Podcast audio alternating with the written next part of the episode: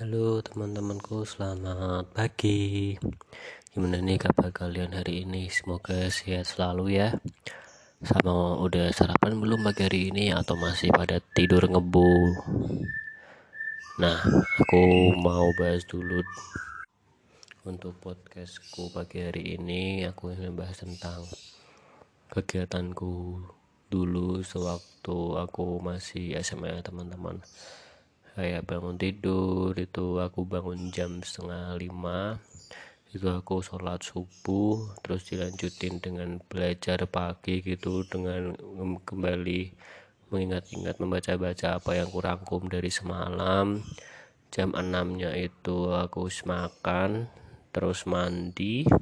Setengah tujuh berangkat dan jarakku ke rumah sama sekolah itu ya lumayan jauh lah teman-teman menghabiskan waktu 15 menit sampai 20 menit kalau naik motor. Nah karena nggak cukup aku lanjutin nanti ya teman-teman di episode kedua. Terima kasih